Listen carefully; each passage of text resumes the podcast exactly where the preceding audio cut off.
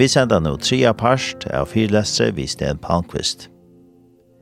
Evne hesfer er ta til ikkje gaman at ferast saman. Opptøkkan er fra mars 2016.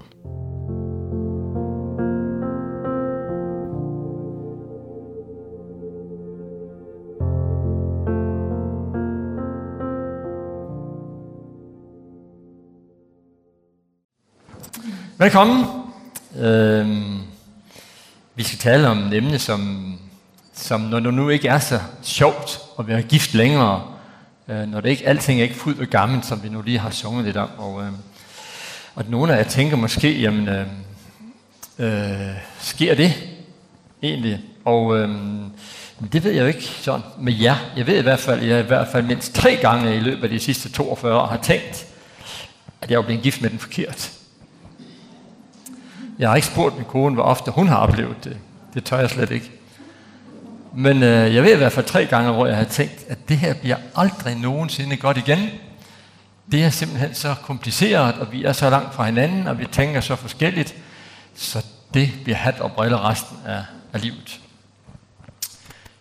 Så det er bare for indledningsvis at sige, at... Øh, Altså det, at det ikke er fuldt og gammel, det, det hører med til, til livet. Og øh, nu har jeg studeret det her med parforhold i mange år. Og, øh, og jeg har jo konstateret, at cirka, cirka hver syvende år, så løber vi ind i en krise i vores ægteskab, som er mere alvorlig end alle de andre små kriser, vi løber ind i. Fordi de kriser, vi løber ind i cirka hver syvende år, de tror faktisk vores ægteskab. Øh, og øh, får os til at tænke, at jeg er der vist blevet gift med den forkerte. Og får vi først øh, fat i den her kætteriske tanke, at jeg bliver gift med den forkerte, så kan den få lov til at udvikle sig. Og så kommer vi virkelig til at føle, opleve, at vi er gift med den forkerte. Der kan jeg betro jer med det samme. Det er du ikke. Det er bare sådan, du ikke sidder og tænker, jeg er i hvert fald. Nej, det er du ikke. Jeg møder rigtig mange i mit terapirum, og øh, de har jo øh, haft det svært. Øh, nogle har haft det svært i to år, nogle i fem år, nogle i ti år. Øh, men jeg hører en standardsætning, det er jo, at hvis, ikke, hvis bare vi ikke var så forskellige, for vi er jo som nat og dag, så vil vi have det bedre. Og så siger jeg, så har jeg lyst til at ønske jer til lykke. Ja, siger det, fordi så har du fundet den rigtige. Vi bliver nemlig altid gift med vores modsætning. Ikke bare sådan en lille modsætning, men en stor modsætning. Hvis jeg er en, der taler mig, så bliver jeg gift med en tavs ægtefælde. Hvis jeg er en, der er et rodehoved, så bliver jeg gift med et ordensmenneske. Øh, hvis jeg har, jeg har mange følelser, så bliver jeg gift med en træmand, og så videre, og så videre. Og hvis jeg har råd i økonomien, så bliver jeg gift med en fra 12 skat. Det er simpelthen... Det er simpelthen sådan, jeg finder min modsætning.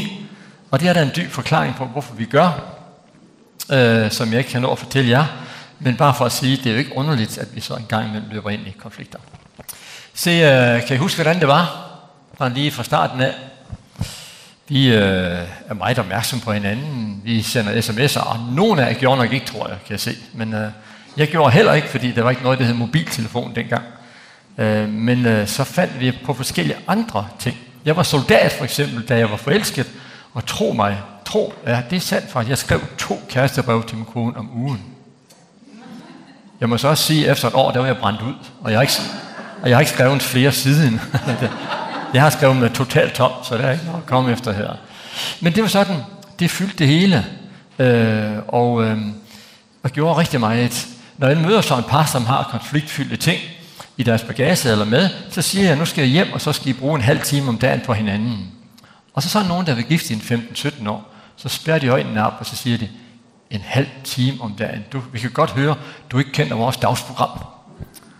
Ja, siger jeg, og så tager vi et spring dengang, I har været gift i tre år. Hvis jeg nu var kommet forbi, har jeg sagt til dig, nu må I bruge en halv time om dagen på hinanden og ikke mere. Hvad vil du så have sagt? Ja, så han så ham her. Så har jeg sagt, så var du ikke rigtig klog, for det kunne vi da ikke nøjes med. Nej. Men 15 år senere, så synes en halv time om dagen at være uafskueligt. Hvad sker der? Hvad sker der nu? Det begynder sådan, øh, og øh, tilgivelse, de fem kærlige sprog, det her med, øh, hvordan vil du gerne elskes, øh, og ja, vidt det er fysisk kontakt, Det synes jeg er et godt sprog. Øh, min kone steg tjenester, det er ikke så godt et sprog. For det betyder, at jeg skulle hjælpe hende med at grave haven, og det er ikke så rart. Øh, men vi har hver vores, øh, og vi øh, går efter at opfylde hinandens kærlighedsbeholdere på det tidspunkt. Og så er det, at vi sker noget. Hvad sker der? På den overfladiske plan, så bliver vi lidt en selvfølge for hinanden. Det er sådan, at øh, vi står op om morgenen, og kigger hinanden i øjnene, og det har vi gjort 365 dage om året i de sidste 15 år måske. Så det er ikke på den måde noget nyt under solen, med mindre at der er kommet en ny frisyre, eller jeg har fået en ny regning, eller sådan og lignende. Ellers så er det sådan lidt ligesom vi plejer. Øh, og, øh, og, og det er både godt og skidt. Det er, jo, det er jo godt, hvis jeg kan se det, det samme ansigt, jeg vågner op hos hver morgen, Men der er noget med det her at blive en selvfølge for hinanden. Det er nemlig sådan, at det er kun det, som jeg kæmper for, som bevarer sin værdi. Og det er sådan en sætning, som du aldrig må glemme resten af dit liv. Det er kun det, som du kæmper for, som bevarer sin værdi. Da vi var nyforelskede, så kæmpede vi for hinanden. Vi kæmpede for at få tid sammen. Vi kæmpede for at sætte grænser over det, som var grænseoverskridende. Vi kæmpede for alting. Men den her kamp, vi har med hinanden på en positiv niveau, den gør os opmærksom på hinanden. Og så tænker jeg jo, hvorfor tror jeg, Gud har jeg lavet dig gifte med din modsætning? Det er fordi, så har du altid en ægtefælde til at sige, det var dog noget mærkeligt noget. Hvorfor tænker du sådan? Hvorfor tror du sådan? Hvorfor føler du sådan? Og så videre. Og så skal jeg til at sådan at forklare mig. Det er de her små kampe, vi får hele tiden, hele vores liv igennem. Det er lige meget, hvad jeg foretager mig, så har min kone altid en mening om det øh, og den er sjældent ligesom min mening. Så skal jeg til at fortælle hende, hvorfor jeg nu tænker, som jeg tænker, og så videre, så videre. Så vi får de her småkampe, og øh, dem skal vi have. Det holder liv i os. Prøv at tænk, hvad du har i dit liv, som du ikke kæmper for, som har værdi. Ny bil, ja.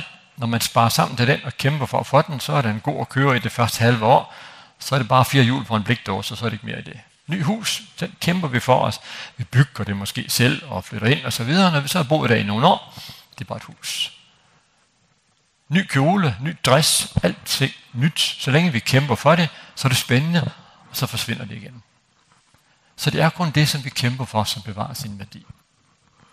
Derfor er det sådan, at vi må ikke blive en selvfølge for hinanden. Hvis det er sådan, at du begynder at undre dig over din ægtefælles adfærd, så kan det godt være, en lille rød lampe, det er tændt, som skal til at fortælle dig, at, at øh, du skal vist til at undre dig igen. For det er nok at undre sig over. Tro mig. ja, det er det virkelig.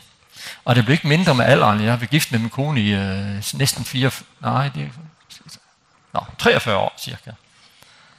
Så, øh, og jeg undrer mig stadigvæk over, hvad hun kan finde på. Det er sikkert også modsat, vil jeg tro. Så, men det er kun det, som vi kæmper for, som bevarer sin værdi. Derfor hører de her småkampe til i vores dagligdag. Men hvis vi skal have småkampe, det hører til, så må vi bruge tid sammen. Men så får vi ikke de her småkampe. Med tiden, så holder vi faktisk op med de her småkampe. Hvad er det, der sker? Det sker det, at jeg får, øh, jeg får mit job og min tilværelse, som bliver mere eller mindre selvfølgelig. Du får dit job og din tilværelse, som bliver mere eller mindre selvfølgelig. Øh, Og øh, vi holder langt hen ad vejen så op med at dele de her oplevelser, vi har med hinanden, fordi det bliver sådan lidt en selvfølgelighed. Øhm, det betyder, at vi godt nok har øh, en dagligdag med hinanden, men det er sådan alligevel lidt, nu tales der i Danmark i forhold til de her muslimer, en parallel, sam, parallel samfund, det er sådan et parallelt liv, vi meget ofte får, som ikke længere hedder vi, som det gjorde i starten, da vi kæmpede, men nu hedder det du og jeg. Du og jeg. Vi holder op med at kæmpe sammen. Sammen og med hinanden. Uden kamp, så bliver vi en selvfølgelighed, og så bliver vi faktisk ligegyldige. Er det nu rigtigt, at vi bliver ligegyldige? Nej, ikke helt, fordi hvis der, der opstår en eller anden situation, hvor jeg er på vej til at miste dig, så pludselig genopstår kampen for at bevare dig. Men nogle gange er det for sent. Nogle gange er det for sent. Jeg møder nogen, som ringer til mig og siger, nu, øh, nu har min kone pakket kufferten, den står herude for, og hun har sendt ud efter en taxa, nu kører hun, hvad gør jeg? Og så mødes de nogle gange i mit terapirum, øh, og så siger hun, jeg har råbt op i 15 år, men det var ikke hul igennem, og pludselig kan alting lade sig gøre, siger hun. Og hende har hun fået sig til, men nu er det for sent. Jeg tror ikke på det længere. Forfærdelig smertefuld sætning, Men det sker faktisk, at vi råber op i 15 år, uden at der er nogen, der hører, hvad vi siger. Det betyder, at vi bor under samme fællesskab, samme hat, øh, og det betyder, at vi har et arbejdsfællesskab, men ingen intim fællesskab. Se, dykker man ned i sin bibel, sådan helt ned til bunden af, hvad ordene betyder, så ordet ægteskab, kærligheden ægteskabet, det kan man skille op sådan på grundteksten i tre forskellige øh, hebraiske ord. Det ene, øh, det hedder venskab, og det andet, det hedder troskab, og det tredje, det hedder lidenskab. Så, så det er en fra MF, der har fortalt mig, det hænger sådan sammen. Og når vi bliver en selvfølgelighed for hinanden, så har vi et venskab. Men vi har ikke så meget troskab, som vi skulle have, nemlig at, at det er dig i mit liv, fordi der kom en, en andre ting ind også. Og lidenskaben, den, den humper sådan lidt af sted. Vi har lidt sex en gang imellem, så torsdag aften kl. 10 til kvart over 10, hvis det var længe. Så det er sådan, det pludselig er blevet til. Vi har ikke det her dybe fællesskab med hinanden. Øhm, vi har et samarbejde. Vi har et samarbejde. Så det, der er lidt farligt i det her, det er jo, at vi har et godt samarbejde. Vi har et godt samarbejde. Vi har ikke et dårligt samarbejde. Og derfor tænker vi, at alt er, som det skal være. Alt er fuldt og gammel. Fordi alting fungerer jo fantastisk. Vi står op, vi kommer på arbejde, vi tjener penge, vi kommer hjem, vi får noget at spise, vi har nogle børn osv. osv. Alt fungerer, som det skal. Og det betyder, at vi opdager det ikke rigtigt. Hvorfor sker det her? Ja, punkt 1. Vi holder op med at vælge hinanden til som første prioritet. Det var ikke øh, et bevidst valg. Det skete bare. Hvorfor det? For det kom noget andet ind i stedet for, som stillede krav til os Det andet, der kom ind i stedet for, det blev vigtigere for os, fordi det stillede krav. Øh, og det andet, det kender vi godt. Det er uddannelse, det er job, det er karriere, det er børn, det er venner, det er kirke. Alt sammen noget, som snakker højt og udfordrer mig og kræver min opmærksomhed. Og derfor kommer det til at fylde mere og mere og mere og mere i mit liv. Og så er det jo sådan, vi har jo hinanden, vi er det jo hele tiden. Øh, så hvorfor er det lige, at det er noget mærkeligt i det her? Men vi gik faktisk hen og glemte tiden sammen med hinanden. Igen, ikke så underligt, for vi er der jo hele tiden. Vi sover i samme seng. Vi står op om morgenen, vi spiser mad, middagsmad sammen, morgenmad og hvad det nu kan være, og vi kommer i kirke sammen og så videre. Men vi er ikke sammen. Vi er hver for sig stadigvæk langt hen ad vejen. Jeg fik så en ung par til rådgivning, øhm, og øhm, hun klagede sig lidt over, hun manglede øh, lidt mere tid sammen med ham. Og så siger han for eksempel, prøv at høre, siger, hun, siger han så til hende, jeg er med i et band i kirken, og vi kommer i kirke begge to. Så jeg står heroppe og spiller lovsang hver eneste søndag, og du sidder der, og så er vi jo sammen. Så sidder hun og kigger lidt, og siger hun, nej, siger hun, vi er ikke sammen. Jeg sidder dernede og kan se, at du spiller, men jeg føler mig ensom. For du er sammen med din kirke, du er sammen med din lovsang, du er sammen med din guitar, men du er ikke sammen med mig. Vi er sammen samme rum. Det er det eneste. Vi bliver snydt. Vi tænker, vi er sammen. Nej, det er vi ikke. Når vi så har gang i alt det her, så øh, bliver vi lidt trætte.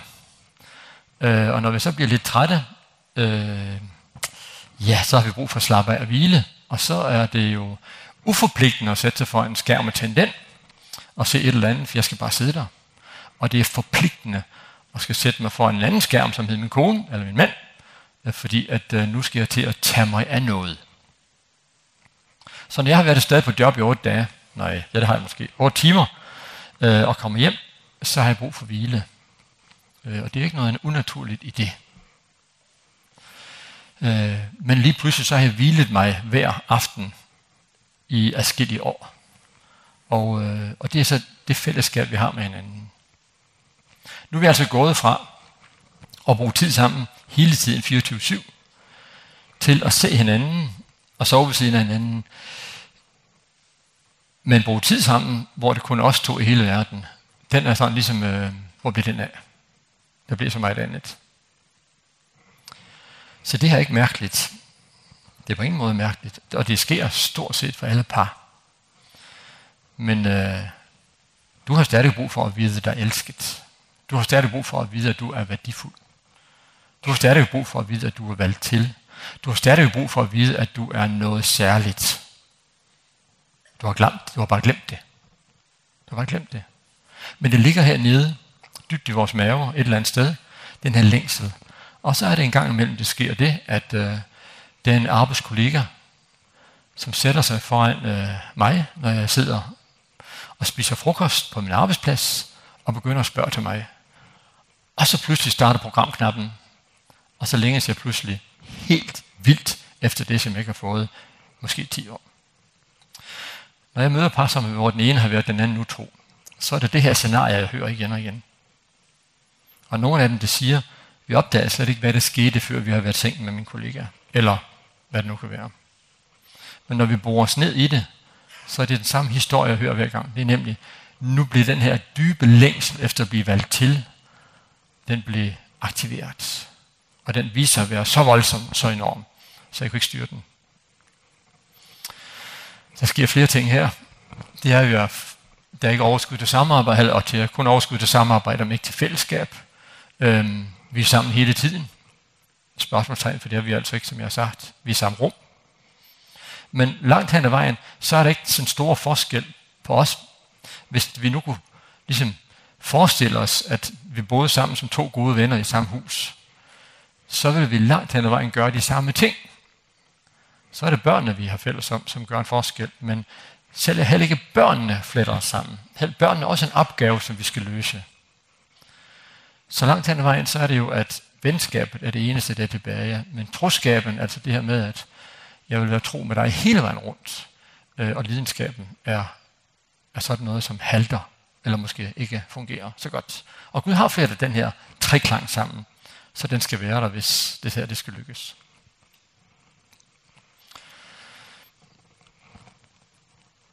Så der er ikke nogen af os, som øh, øh, generelt er dumme. Øh, og har valgt det her fra. Det er noget, der sker. Det er ligesom det her tusmørke, der kommer en aftenstund snigende. Vi opdager det ikke, før det er så mørkt. Så mørkt. Og det første, hvis en pludselig tænder lys, at vi opdager, at det var mørkt omkring os. Øhm, det er ligesom min, det minder mig lidt om min svigersøn. Han har bestemt sig for, at han vil til at spille badminton. Min svigersøn, han er jo ung mand på 38 år, så han spillede badminton, og så mødte jeg ham i kirken. Og så kom han sådan gående, sådan meget forsigtig. Og så skubbede lidt til ham. Åh, nej, nej, au, au, au, au, han, du må ikke skubbe til mig, siger han. Jeg er ude at spille badminton, siger han. Og jeg blev fuldstændig chokeret over, at jeg var i så dårlig form. ja, det kan jeg godt se, så jeg skubbede til ham en gang til. så, øh, så nu, kan jeg, nu kan jeg styre ham. Øh, så siger han, her gik jeg og bildte mig selv ind, at jeg var i god form. Og en aften med badminton, siger han, jeg var nær aldrig kommet ud af sengen dagen efter. Men det er sådan ægteskabet nogle gange er jeg tror mit ægteskab er i en god form. Men det er det måske ikke alligevel, når det kom til stykket. Øh, fordi at jeg har ikke trænet. Jeg har ikke trænet. Så hvad gør vi ved det her? Jamen, punkt 1, det er, at I skal ind og opdage det. Og det gør I sådan ved at stille jer selv et spørgsmål lige nu. Og det får et minut til, og det hedder, Hvornår har du sidst spurgt til din ægtefælles trivsel? Hvornår har du sidst sat dig foran din ægtefælle og sagt, hej min skat, jeg har bare lyst til at vide, hvordan har du det egentlig? Med dig selv og med at gifte mig. Og ved at være mor eller far i den her familie. Hvornår har du sidst sat dig ned og spurgt til din ægtefælle? Til din ægtefælles trivsel? Det får et minut til at tænke over fra nu. I må ikke fortælle naboen noget som helst.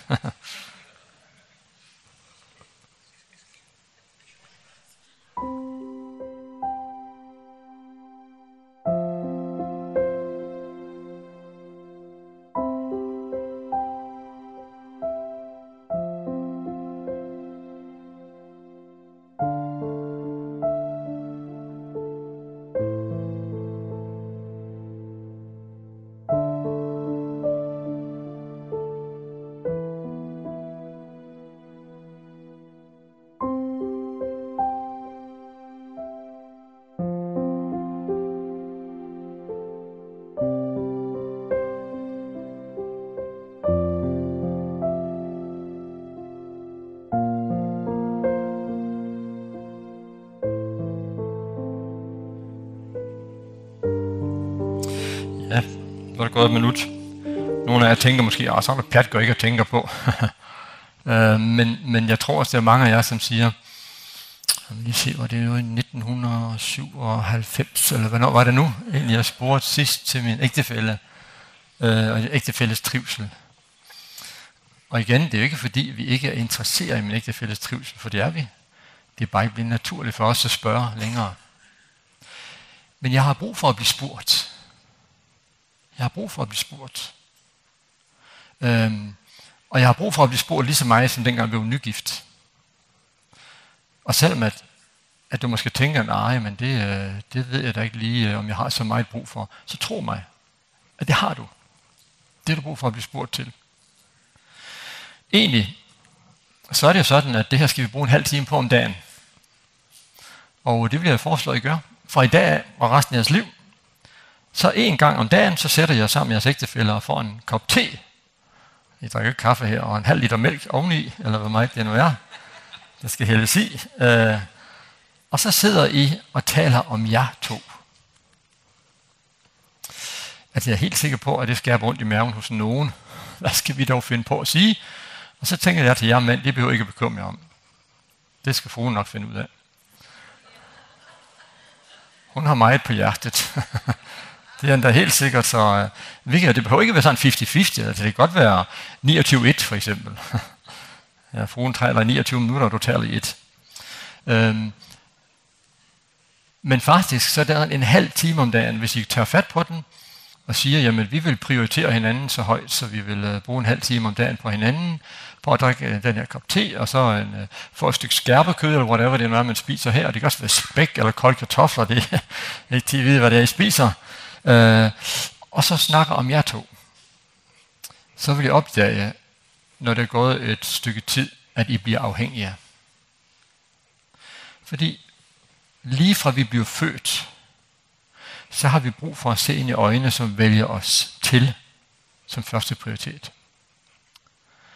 Et barn, som ikke bliver valgt til som første prioritet fra det nyfødt, der går ikke mere end to til tre uger, øh, så, så er det på vej til at lukke fuldstændig ned og udvikle en psykisk sygdom. Øh, det gør vi jo ikke, fordi vi ikke bliver set i øjnene, når vi, vi er jo voksne og modne. Men den længsel efter at blive valgt til af nogle øjne, som har valgt mig til som første prioritet, den, den længsel, den findes inde i os. Og vi øh, mister den aldrig. Vi kan skjule den bag forskellige aktiviteter. Det kan vi. Men det hedder ikke at være værdifuld, det hedder at være betydningsfuld. Men det er noget helt andet. Betydningsfuldt det er noget, jeg gør. Værdifuldt det er noget, jeg er. Værdifuldhed det er en følelse, som sætter sig i din krop, og den bliver ved med at sidde der længe efter din ægtefælde er gået på arbejde, eller whatever det nu er. Betydningsfuldt, det var lige så lang tid, øh, som, som, det, som øh, selve situationen er, er, øh, kræver af tid. Så er den væk igen. Så skal du finde noget nyt, og noget nyt, og noget nyt, og noget nyt. Men vi længes efter at være noget, Derfor så gør vi os betydningsfulde på mange forskellige måder. Vi promoverer os selv. Vi kan ikke leve uden, at nogen ser os. Så du vil opdage der, når du sidder og kigger dig ind i, i øjnene på din yndlingshustru, at det er dog helt fantastisk, og det er billigt. det koster kun en kop te. Det er til at overskue på en gang.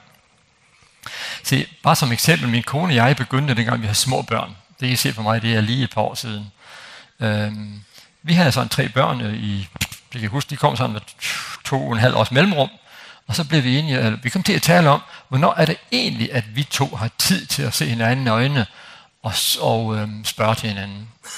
Det var det ikke, fordi enten var det ene vågen, også var den anden vågen, eller hvad det var, ellers så skulle de i skole, eller skulle vi bare arbejde, eller også hvad det nu kan være. Så blev vi enige om, at hver morgen kl. kvart i seks, så stod vi op begge to, og så havde vi fem kvarter, inden Karin skulle bare arbejde kl. syv.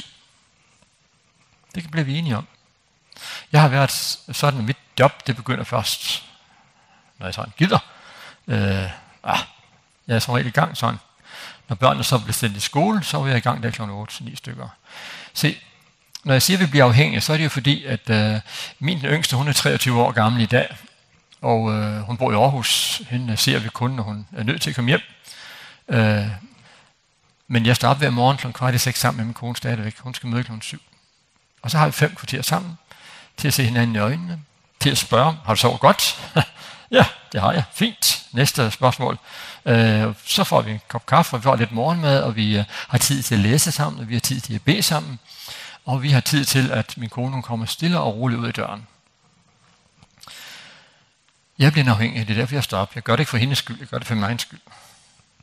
For den her stund, alene stund, hvor vi begge to ved, Jeg er her, fordi det har jeg valgt. Jeg er her, fordi det har jeg valgt. Hvorfor det? er For din skyld, for din skyld. Den er unik, enestående og fantastisk. Det er sådan det første skridt, vejen frem. Øhm, og her begynder at blive bygget noget op. Det er lidt besværligt i starten, hvis man tager fat, fordi at, hvad skal vi nu snakke om? Så lad være at se noget. Så sid der bare og drik din te i fred og ro. Husk lige at få posen op i tide. Øhm, og øh, så når der sidder og drikker en drukken din te i fred og ro og kigget på det væsen, der sidder på den anden side, øh, så skabes der noget. Jeg kan huske dengang, at vi var sådan helt unge nygifte, der kan jeg huske, at øh, vi sad ved vores stol, øh, og vi lavede hver sit, kan jeg huske. Så pludselig så siger min kone, er det ikke hyggeligt? Øh, jo, det var hyggeligt det her. Vi snakkede ikke sammen, vi sad med vores, men det her nærvær, vi var der begge to. Og det var inden vi fik de her råbende unger, Det var hyggeligt. Så når du sætter dig der og drikker din kop te sammen med din kære ægtefælle en halv time og ved, vi, vi bliver bare siddende en halv time, så vil du opleve, at det er hyggeligt, at det er rart. Og på et eller andet tidspunkt, så begynder du at, at, at spørge. Øh, fruen, hun siger, hvor har du gemt dankortet hen, for eksempel? Øh, eller hvad det nu er, man kan finde på at spørge om. Og så snakker man, og så begynder vi at kan spørge til, hvordan, hvordan med dig? Hvordan trives du egentlig?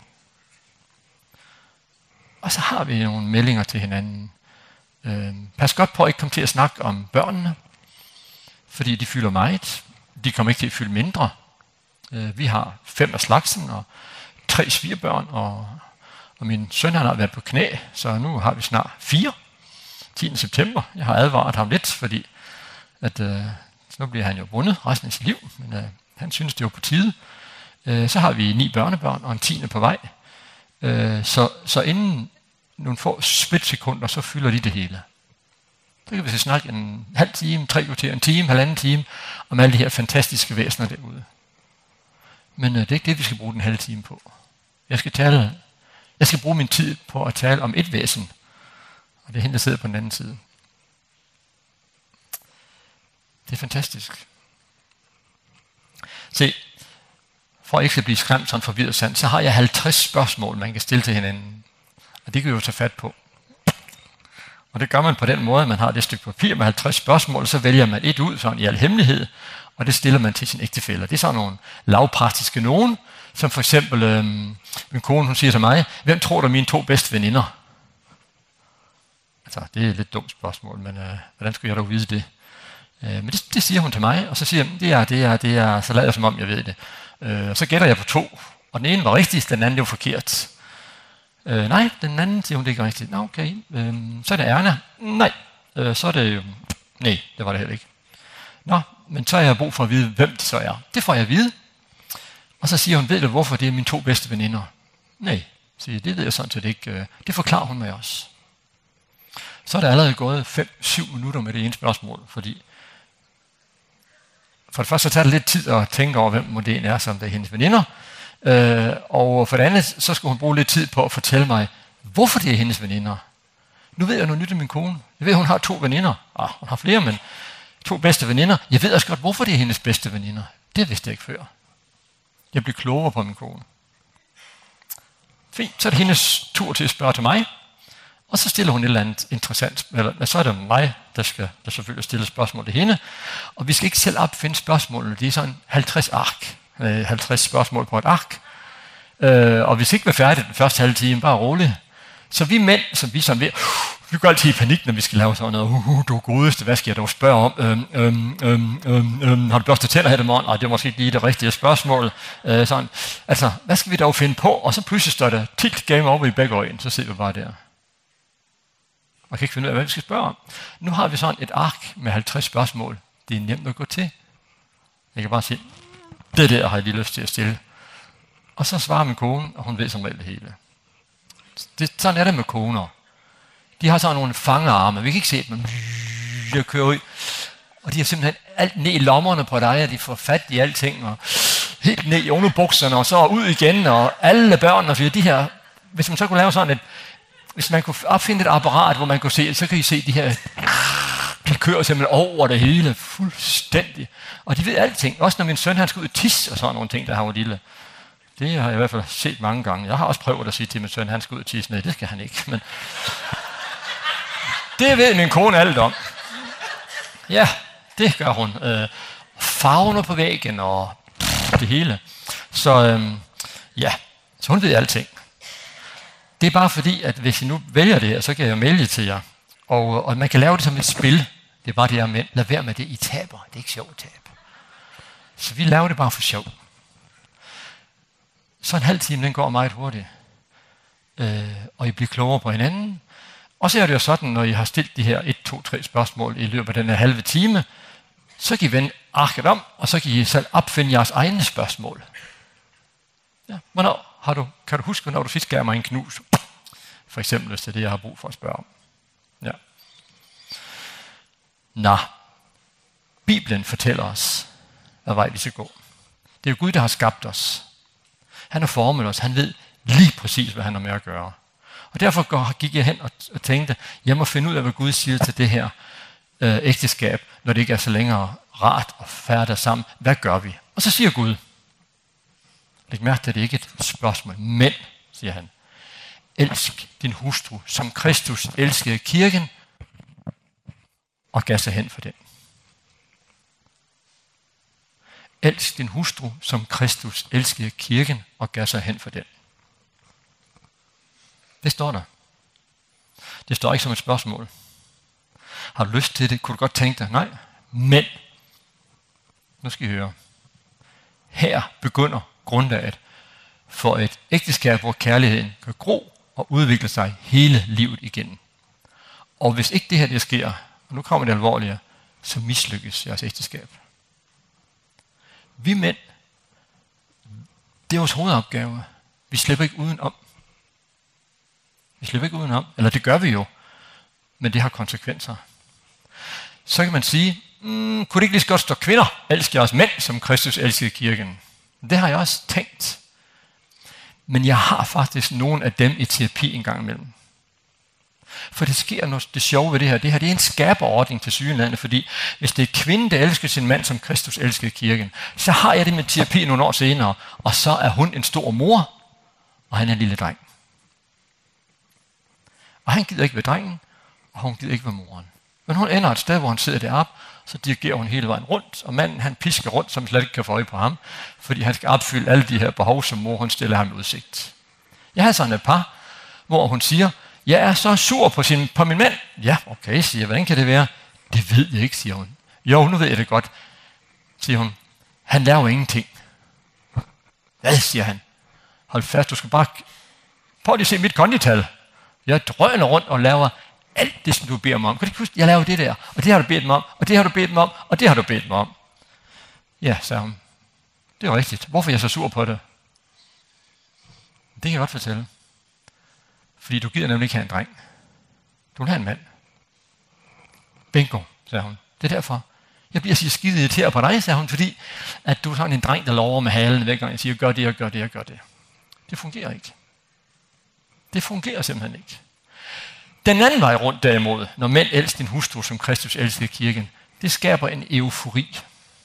Den har jeg også set. Og den virker. Den virker.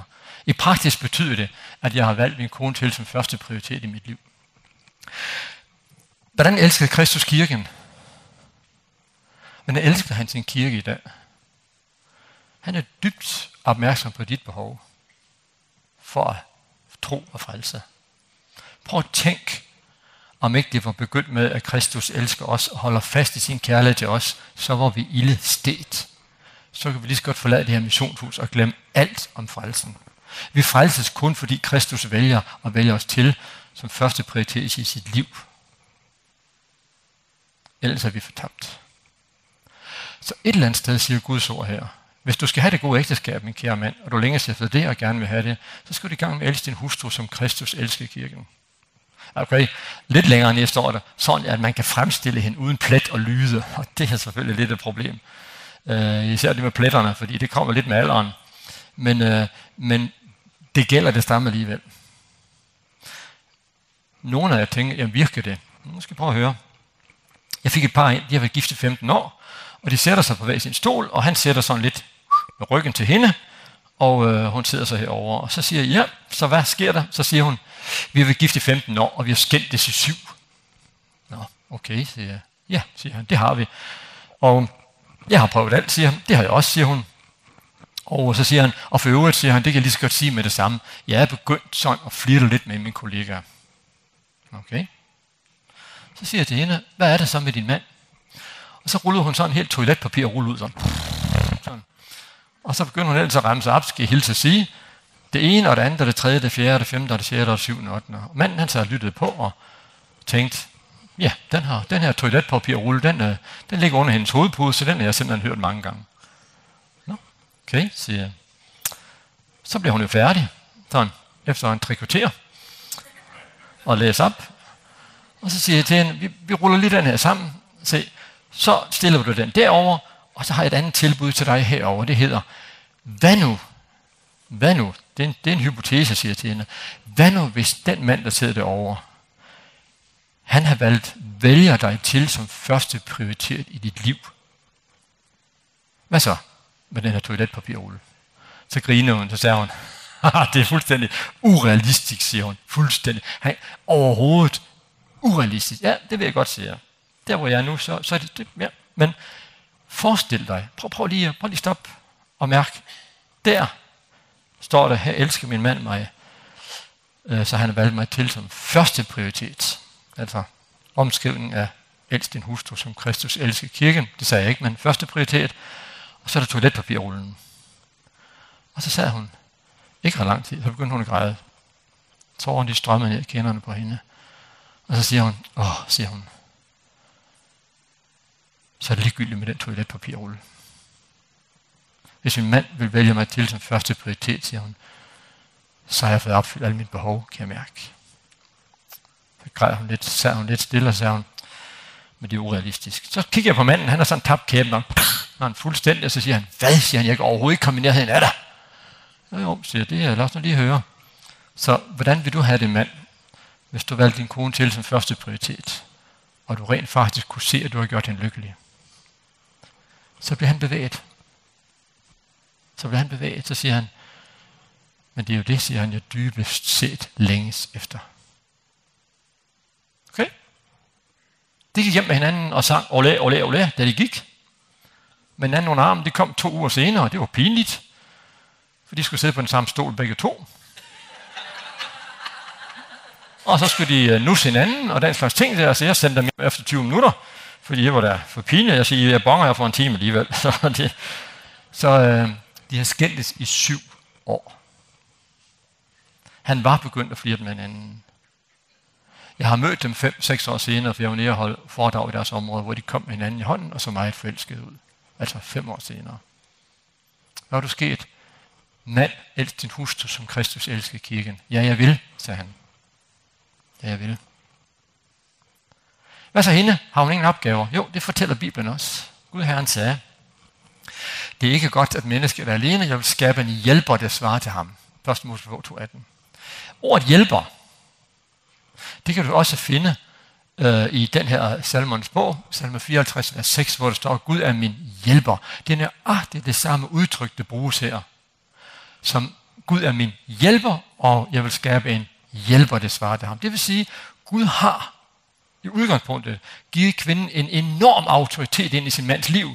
Faktisk så stor en autoritet, så hvis ikke hun hjælper ham med den opgave at elske hende, som Kristus elskede kirken, så vil det mislykkes. Så vil det mislykkes og omvendt. Hun kan fuldstændig umuligt for ham, I se for ham på banen, hvis ikke at, at uanset at hun har en hjælperrolle og en autoritet, som, som Gud har en autoritet ind i vores liv og blander sig i alting, så er hun hjælpeløs, hun spræller hjælpeløs, hvis han ikke påtager sig sin opgave. Så den ene er ikke noget uden den anden. Omskrevet så betyder det, du skal være første prioritet i mit liv. Hvordan vil jeg leve det ud? Det vil jeg ved at du skal være første prioritet i mit liv. Og, siger hun, og jeg vil hjælpe dig til den opgave ved at være hjælper som Gud hjælper. Det vil sige, vi er øjenhøjde. Den ene er ikke mere uden den anden. Men den ene er heller ikke noget uden den anden. Her opstår der en synergi. Fordi når manden han elsker sin hustru, som Kristus elskede kirken, så ser han hos hende en utrolig glæde over at blive elsket. Den utrolige glæde lever han af. Fordi så føler han sig som en rigtig mand.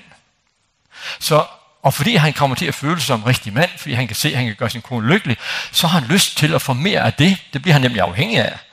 Og så elsker han hende bare endnu mere, og så får han endnu mere tilbage, og så elsker han hende endnu mere, og så får han endnu mere tilbage. Det er jo fantastisk, at Gud har skabt en kærlighedsrelation imellem os to, som har en synergieffekt, når vi vælger det her umiddelbart simple. Så når jeg er 85 år gammel, så elsker jeg min ægtefælle mere end nogensinde før jeg nogle gange går tur på kirkegården derhjemme, og så kan jeg se, at der er mange gamle mennesker, der dør sådan lige inden for to, tre, fire ugers mellemrum. Jeg tænker, det er fordi det her det er lykkedes. Når du er væk, så forsvinder min værdi. Nu har jeg ikke længere en, som vælger mig til som første prioritet. Nu er jeg overflødig. Hvem kan leve det? Det her det er også lidt farligt jo. Det kan jeg nok næsten regne ud, fordi hvis du som mand vælger din ægtefælle til, og hun ikke tager imod dig, så, så bliver du ramt hårdt. Jeg er helt sikker på, at når Kristus han søger os, og vi siger nej tak, så er jeg helt klart en sorg for ham. En stor sorg. Det gør ondt, fordi hans hjertets brud siger nej tak til at være sammen med ham. Det tror jeg er en dyb sorg. Sådan er det også jo. I har sikkert prøvet det nogle gange. For eksempel at ville forsones og gå hen, og så er en sur, fordi man har fået fat i sin lille dreng eller sin lille pige, som man ikke lige går overskue lige nu og sige, jamen, så vil vi gerne forsones. Det er ikke, det er ikke rart. Det er ikke rart. Så derfor er vi sårbare her. Der er vi sårbare for at blive afvist. Så de her to, to udsagn må gå hånd i hånd med hinanden, hvis det er sådan, det skal lykkes. Men jeg tager godt skrive under på, hvad en af jeres ægte skaber her, at hvis I praktiserer det her, så lykkes det. Jeg har set det Nu bruges det et eksempel. Jeg har andre eksempler, hvor de kommer ind og siger, at vi har prøvet alt, og vi tror ikke på, at det her det ikke ændrer noget som helst. En, to samtaler, så pludselig, så kommer de med hinanden under armen og har det så godt med hinanden. Jeg kan ligefrem se det. Jeg fik så en ægte par ind, og hun lignede noget, katten havde slæbt ind. Absolut. Øh, og havde det rigtig dårligt, og så havde jeg to samtaler med hende, eller med dem, og så kom de ind igen, og så skal jeg hilse og sige, hold da op, Hun lignede ind fra, ja, da hun var.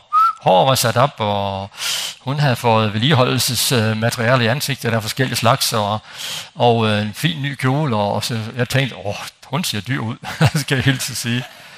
Øh, og så sidder han og kigger forelsket på ham, og hun kigger forelsket på ham, eller hun, han kigger forelsket på hende omvendt. Nå, siger jeg, men øh, det er jo svært at gætte på, hvad der er sket. Og så siger hende her, jeg er blevet forelsket i min mand igen. Okay, siger jeg, hvordan kan det være? Jamen, siger hun. Det lyder banalt, siger hun. Men han er begyndt at spørge til min trivsel hver dag. Hver morgen, jeg stod op, så siger han, Nå, min skat. Eller, jeg kan ikke huske, om det var skat, eller det var havgas, eller hvad det var, han sagde. Nå, men det var, det var måske skat. Nå. Nå, min skat. Hvad kan jeg gøre for dig i dag, for at det må blive en god dag? Og i starten, så kiggede jeg underligt på ham og sagde, hvorfor spørger du om det? Og så siger han, fordi jeg har lyst til at vide det. Nå, siger han, du kan da købe et pund sukker, når du bare arbejder. Så kom han hjem med to pund sukker. Og så spurgte han næste morgen. Og næste morgen. Og næste morgen igen, siger hun. Og så begyndte der noget at smelte inden i mig. Og så begyndte jeg at blive lidt mere seriøs. At jeg kunne godt tænke mig en knus, inden du tager på arbejde. Ja, det fik hun simpelthen en knus, og hun smuttede ud af skoene, og så, øh, og så gik han på arbejde. Og så fik jeg oven købe ind, da han kom hjem, uden jeg havde spurgt om det, siger hun. Så hun var blevet forelsket i sin mand. Det kunne ses. Hele hendes krop. Hun strålede som en sol. Hun var blind fra noget af katten og slæbt ind til en meget smuk kvinde. Sådan. Bare i løbet af to uger. Det virker. Selvfølgelig virker det. Fordi det Gud har jo fortalt det, at det er sådan, det virker. At det er sådan, det er. Det, der er mest fantastisk ved det her, synes jeg, det er jo, Det er ikke bare en følelse. Prøv at høre her, mænd. Det er ikke en følelse. Det er en handling. Er der noget, vi mænd vi er glade for, så er det det, vi kan. det her føleri, det er sådan noget. Det er noget værre noget. Det er fordi vores følelser i mænd, de sidder midt i maven, og det er cirka en meter ind til alle sider. Så når min kone siger, hvad føler du? Så siger jeg, yeah, så skal jeg bruge cirka to dage på at finde ud af, hvad jeg føler. Fordi min, jeg kan ikke finde de her følelser, for det går længe. Og så når jeg kommer og fortæller, hvad jeg føler, så siger hun, hvorfor siger du det? Jamen, du spurgte for to dage siden. Nå ja. Jeg kan huske, at min kajno sagde, skal vi ikke købe en vinterfragt til min søn? Og det er sådan, der er jo mærkeligt klødeligt i baglommen, hvor pungen den sidder og sådan. Øh, så siger jeg, jo, altså det, øh, det er sådan, det er en følelsesmæssig ting, for det er jo dyrt, hallo. Og så kom jeg to dage senere og siger, jo, det synes jeg er en god idé. Så siger hun, hvad synes du er en god idé? Og den her vinterfragt, åh, oh, så den har jeg købt. Det her, det er ikke følelser. Det er handling, kære mænd. Det er handling. Så for i morgen og resten af dit liv, så kigger du din kone i øjnene, og så siger du, min skat, hvad kan jeg gøre for dig, for at det vil blive en god dag i dag? Elsk din hustru, som Kristus elskede kirken. Og det fede ved det, det er, at du får mere tilbage, end du giver. Jesus taler om det helt tydeligt. Han siger, særlig er jeg at give end at modtage. Og det vil jeg erfare her. Når vi gør det her, og får det at vide, så får vi mere tilbage, end vi giver. Se, det er ikke bare det, at vi kommer til at føle os elskede, vi mænd, men det er det, at vi kommer til at føle os som rigtige mænd. Og det er ikke så ringe endda. Vi skal ikke engang puste os op for at blive rigtige mænd. Vi bliver rigtige mænd af at blive elsket af den hustru, som elsker, at vi elsker hende. Så bliver vi rigtige mænd. Nå, jamen vi har jo ikke tid til at øh, sidde og snakke sammen en halv time, fordi jeg er ude og fiske en måned om året og så videre. Hvad gør vi så? Det er ikke noget problem, så gør du det, når du er hjemme. Fordi det er jo ikke, det er ikke sådan noget rigid noget. Det er bare det her med at spørge til din ægtefælles trivsel. Det er, det er jo at elske som Kristus elsker kirken. Ja. Den ene er ikke noget uden det andet. Nu hedder det vi. Se, hvad betyder det at vælge dig til som første prioritet? Det betyder jo, at, at din ægtefælle ved med sig selv, at jeg kan til hver en tid gå ind og sige noget til dig, og så er sikker på at blive hørt. Det betyder, at når jeg foretager nogle valg, så foretager jeg ikke de her valg, uden at vi har talt om det. Altså, parallel ægteskabet er stoppet. Nu er det blevet et vi, i stedet for jeg, jeg og du. Det handler ikke om at skal ind og spørge om lov fordi vi er unikke, selvstændige mennesker, så vi skal ikke spørge om lov. Men det handler om at dele det, jeg har lyst til med dig, inden at jeg handler. Det er langt sjovere at foretage nogle valg og nogle handlinger, når jeg ved, at det har vi bestemt, frem for det har jeg bestemt. Fordi hvis et valg jeg tager, fordi det har vi bestemt, så får du en følelse med, som hedder værdifuld. Hvis du gør det uden at spurgt, så får du en følelse, det hedder betydningsfuld. Værdifuld bliver hængende i din krop hele dagen. Og længere endnu. Betydningsfuld forsvinder, når du er færdig med opgaven. Og så skal du på den igen. En ny begyndelse. Tænk tilbage igen på alle de her ord, sætninger. Vi er ikke magtesløse i forhold til at få det her gode ægteskab til at fungere igen krisen vil krasse, fordi vi glemmer det her. Og når den gør det, så ved I, der er to bibelvers, I skal huske. Elsk din hustru, som Kristus elskede kirken, og jeg vil skabe en hjælper, der svarer til ham. Det er som det eneste, I skal huske, når I går herfra i aften, og så praktiserer det. Øh, så sker der noget. Så sker der noget. Så sker der det, som I længes efter alle sammen. Nemlig, at pludselig er det et menneske, for hvem, for hvem jeg er den mest værdifulde i hele verden. Det lever vi af. Det bliver vi euforiske af. Øh, og det får det til at give mening for os. Kærligheden dør aldrig. Så selvom du tænker, åh, oh, jeg er vist blevet gift med den forkerte harpe, så øh, nej, det er det ikke. Kærligheden ligger bare skjult bagved en hel masse andet. Syv års krise lå det de her skjult bag. Og andre har det været kortere og længere tid. Men pludselig så gennemdager de, at det er ikke rigtigt, at vi ikke elsker hinanden. Det er det ikke. Nu skal I bare spørge løs, øh, om hvad I nu sidder med, og øh, det er jo øh, indlysende, kan man sige, at, at jeg vælger jo sådan en lille bid at fortælle øh, jer øh, omkring øh, kriser i vores ægteskab, men øh, Det er kun en lille bid.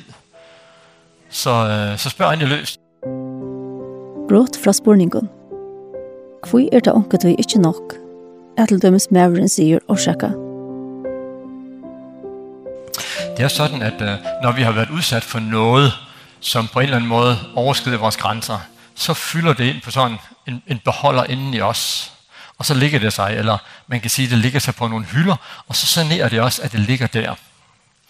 Og så er det sådan en kvinde, øh, at øh, hun er skruet sådan sammen, så hun har et stort rum. Og det stopper hun alting ind i. Der ligger manden også på en af hylderne. Vi må håbe, den holder hele livet. Ehm, og det betyder, når hun så oplever øh, et eller andet konfliktfyldt imellem os som par, så kommer den ind og ligger på hylden. Og så ved jeg nok, at øh, hvis man har et stort rum, og det roder lidt i det ene hjørne, så ser det ud, som om det roder overalt. Og det har sådan en afsmittende effekt. Det betyder jo, at når hun så kommer øh, og vil tale om det her, eller manden han kommer og siger undskyld, øh, så skal hun i gang med at rydde op. Øh, og, øh, det kan hun ikke bare sådan lige, fordi det roder altså sådan lidt hist og pist her, så det, skal, det går der noget tid med generelt, for hun har de her store rum, som, som det ligger i. Manden derimod, han har sådan nogle bittesmå rum. De er ikke så store. De rører ikke ved hinanden. Øh, og han kan kun være i et rum ad gangen. Nu har han så været i et rum, det hedder, jeg har en konflikt med min kone. Øh, og så når han har haft den, så går han hen til undskyld, så træder han ud i det rum, låser nøglen, eller låser døren, så bliver nøglen væk, og så træder han ind i et andet rum, det hedder, nu har jeg ingen konflikt med min kone længere. Han rydder ikke op, hvorfor skulle han det? Fordi han har nok af rum at tage af. Så han går fra rum til rum. Han har for øvrigt sådan en favoritrum, eller favoritkasse, hvis man kalder den. Den uh, hedder The Nothing Box. den er tom. Ja. Det er derfor, når fruen hun siger til ham, hvad laver du? Så siger han, ingenting. Og så bliver hun rigtig sur, fordi det ord, det kender hun simpelthen ikke. Men så tænker hun, hvad har han gang i, siden han siger ingenting? Men det er fordi, vi har den her, The nothing box, der hedder ingenting. Den tom, det er vores favoritkasse, øh, og den smutter vi ind i lige så snart vi kan. Øh, så, så vi kan godt lave ingenting og stadig trække vejret. Det er simpelthen fantastisk. Øh, men hun har det ene store rum. Så derfor dur det ikke bare at sige undskyld. Men det dur at tale om det, indtil hun har sådan har fået ryddet op, og så er tingene på plads igen. Ja. Generelt, så er det sådan, at hvis, når man begynder at få lidt kriser i vores parforhold, så er det stort set altid et signal om, at vi bruger for lidt tid med hinanden. Det er som regel ikke ham, der opdager det, fordi han færdes jo i de her forskellige kasser, Øh, og det er først det øjeblik, hun gør ham opmærksom på, at han står i en kasse, hvor hun ikke synes, hun får nok opmærksomhed, at han opdager det. Øh, så når jeg spørger par, hvad de synes er krisen i deres ægteskab, så, har de, så vidste han slet ikke, at de havde en krise. Meget ofte. Så hvis hun begynder at skælde ud, så er det i og for sig signal til sin mand om, at hun synes, at han, hun bruger, hun, han bruger for lidt tid sammen med hende. Så øh, der er den her dybe længsel efter at blive valgt til inden i os. Øh, og den er der hele vores liv. Og hvis ikke at vi bliver valgt til, så, så kommer den form for utilfredshed ind over os. Øh, og den kommer til udtryk igen med sådan lidt vrissen og sådan nogle ting, lidt kantet. Så hvis I har sådan lidt ekstra, synes I, øh, så er det som regel, fordi I bruger øh, for lidt tid sammen. Og jeg taler altså ikke om at bruge 2, 3, 4 timer sammen. Jeg taler om, at nu siger jeg en halv time, og, øh, Og øh, hvis I bruger en halv time med hinanden om dagen, den tid I er hjemme, jeg ved godt, at nogen af jer er ude og fiske, og det er ingen problem med det, men når I er hjemme, så er det generelt nok til at få begge parter til at føle sig øh, valgt til. Ja. Nu skal jeg endelig spørge. Brot fra spurningen. Hvor heldur du at det hjelper en pære at hos vi en tredje person om tørre trobløkker? det er sådan, at øh, jeg, jeg, jeg har mange jo, som kommer, og, øh, og det er øh, meget ofte sådan, at øh, manden har fulgt med, næsten frivilligt. Øh, øh, og vi mænd, vi, vi, vil, vi vil helst have styr på tingene. Jeg kan så sige, at i løbet af de 22 år, jeg har praktiseret, er det kun én mand, som ikke er kommet igen. Øh, og hvorfor er det så, de skal komme?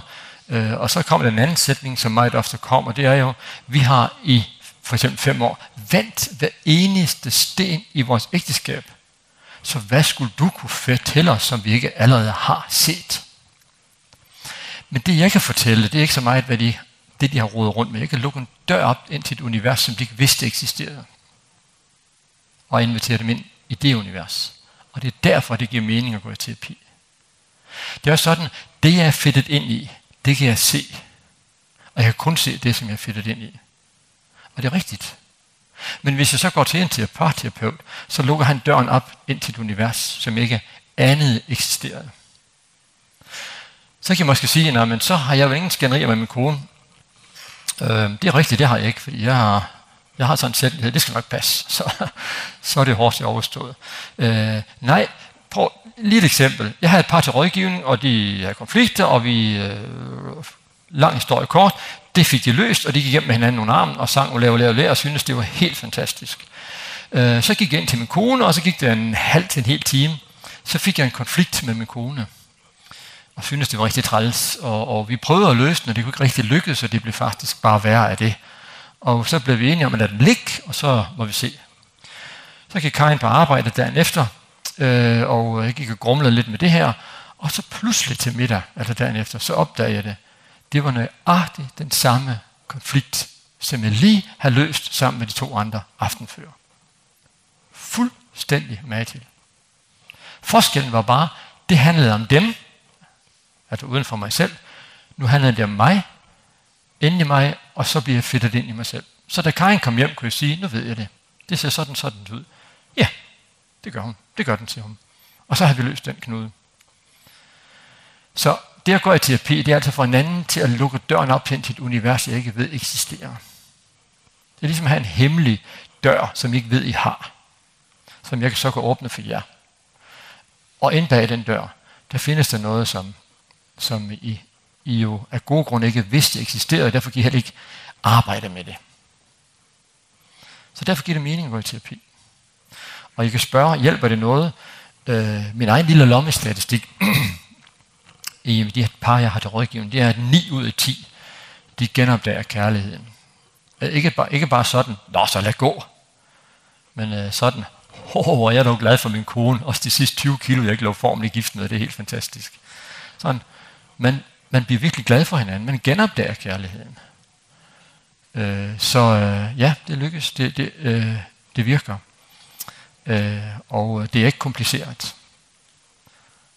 Så derfor vil jeg sige, at det er generelt med at komme afsted, hvis det bliver ved med at stå på. Ikke fordi vi sådan får lidt knaster undervejs, fordi som jeg har sagt, det er kun det, vi kæmper med, som bevarer sin værdi. Så, så vi skal tage kampen op, men hvis det er sådan, vi kører fast og kan se, det her, det, det fører ikke til noget, så se for at komme afsted. Og få lukket den dør op ind til det andet univers. Thank you. brått fra spurningen. Hvordan kunne vi arbeide ved Hesun og i samkommende? Det er sådan, at når vi har det svært med hinanden som par, øh, så øh, har vi fortrolighed med et vennepar. Så kan vi begynde der og tale med det her vennepar og sige, tingene lykkes ikke rigtigt for os. Det er simpelthen, Gud har skabt os sådan, at når jeg får lov til at i tale sætte til et andet menneske ud af min egen mund og ind i mit eget øre, hvad det er for nogle ting, der går i gang ind i mig, så det i sig selv er, er, er der helbredelse i. Så derfor, det er sådan det første skridt, som, hvor vi kan, vi kan øh, sige til hinanden, jamen har jeg nogle venner, jeg har fortrolighed med, så går jeg hen og taler med de vennepar. Og gerne øh, så hurtigt som muligt. Vi har sådan en bibelkreds hjemme hos os, hvor vi er fire par. Vi har været sammen i 25 år, og vi har en allerdybeste fortrolighed med hinanden. Jeg kan huske en, en periode, hvor min kone og jeg ikke havde det så godt med hinanden, og det sagde vi. Jamen, øh, når vi sagde sådan en runde og skulle bede for hinanden, lige nu, der, der kæmper vi lidt med vores ægteskab. Og nå, er der så en, der siger, har I lyst til at sige lidt mere om det? Ja, det kan vi godt. Og så siger jeg lidt, hvad jeg sidder med, og min kone siger lidt, hvad hun sidder med, og så videre. Okay, og det i sig selv føltes befriende. Jeg kan huske, når jeg kom hjem, at jeg følte mig lettet. Det var ikke en hemmelighed længere. Nu har vi betroet det til nogen af vores allerbedste venner, som der var tavshed omkring, tavshedspligt omkring. Men i samme øjeblik, jeg ellers er i konflikt øh, med min ægtefælle, så er jeg utrolig sårbar. Og derfor er det svært øh, at gå til nogen i menigheden og sige, at jeg er, jeg er sårbar, fordi øh, jeg skal kunne blive ved med at komme i den her menighed, og jeg skal komme uden at jeg på en eller anden måde skal være taknemmelig til nogen, eller du kode, fordi de ved noget om mig, eller hvad det kan være. Altså, vi, jeg kom i vores kirke og vores missionshus, og jeg fremstår ikke nogen af stederne som familieterapeut. Jo, de ved, jeg er det, men, men, øh, men det er ikke mig, de går til, hvis de har konflikter. Fordi jeg skal kunne komme i min kirke og se på, på de her par hundrede mennesker, der kommer, uden at jeg bliver forstyrret af, om jeg ved det om det og den og den og den og den og den og den og den og den. Og de skal kunne komme, uden at de skal møde mig. Øh, og, øh, og tænke, Nå, hvad man han tænker om os? Så generelt så kunne det være godt, hvis man kan lave et, et, et samarbejde øh, med nogen uden for menigheden, som, som kunne til, tilbyde sig, ikke som terapeuter nødvendigvis, men som sjælesøver. Et sted, hvor man kan gå hen og snakke om, om, øh, om, om det, man har af problemer. Og så tænker jeg også, at vi som, som menighed med jævne mellemrum skal tage, tage hånd om det her. Jesus tog hånd om hele mennesket. Ikke kun om vores åndelige ved og vel, men om hele mennesket tog han hånd om. Og det tænker jeg også, vi skal som menighed, og det her er en del af de steder, hvor vi kan tage, tage hånd om hele mennesker. Det kan vi øh, for eksempel som en, som en aften som i aften, men, øh, men vi kan også for eksempel tage en hel lørdag, og hvor vi siger, at nu har vi emner på, som handler om det at være par. Øh, vi kan, øh, der findes et materiale. Øh, er der nogen af jer, der ved, hvad syv dates for par det er for noget? Alfa-gruppen har lavet sådan... Øh, syv aftener omkring det at være par, hvor der er et hæfte med, som, som, øh, som man kan øh, få udleveret. Det er, det er ganske almindelig undervisning, der er ikke noget terapeutisk i det, men det er super godt, og hvor man kommer til at arbejde med hinanden som par. Øh, så øh, det kan vi også vælge at sætte i gang som, som, øh, som en menighed. Øh, vi har det hjemme i vores kirke, vi har et lavt samarbejde med andre kirke, vi har et samarbejde med Pinsekirken, Assentor Frikirke, og, øh, og øh, Indermission og Kronlands Frimenighed. Vi er sådan en fire stykker, der går sammen og laver syv dates for par. Øh, og så melder man sig på, og så har man de her... Vi har så valgt at sige, at vi har øh, fire øh, indlæg om foråret og fire om efteråret. Og det vil sige, den del, som hedder seksualitet, den er vi delt i to. Øh, og øh, så har de sådan et hæfte, hvor de kan arbejde med tingene, og de får med hjem og skal opgave til næste gang, de kommer to uger senere. Og som sagt er det ikke fagfolk, der underviser. Det er bare nogen, der selv har været igennem sådan et forløb. Så øhm, vi kan gøre lidt forskelligt for at det her det ikke øh, må, må køre fast. Øhm, ja. Og så, øh, så kan jeg godt lide, øh, at øh, hvis nu for eksempel I, I kender en kristen terapeut et eller andet sted, så kan jeg godt lide, at vi som menighed øh, vi siger, vi, det er så vigtigt med det her par, øh, at vores par del fungerer, så vi vil som menighed, som fællesskab, gerne tilbyde, øh, at de to første samtaler hos sådan en kristen terapeut, den betaler vi samfundet, menigheden, kirken. Så det skal ikke være det, som holder jer væk. Øh, og det foregår selvfølgelig anonymt. Den, I har aftalen med, sender bare regningen. Øh, det, det kan jeg godt lide, øh, og at, at man har sådan aftaler.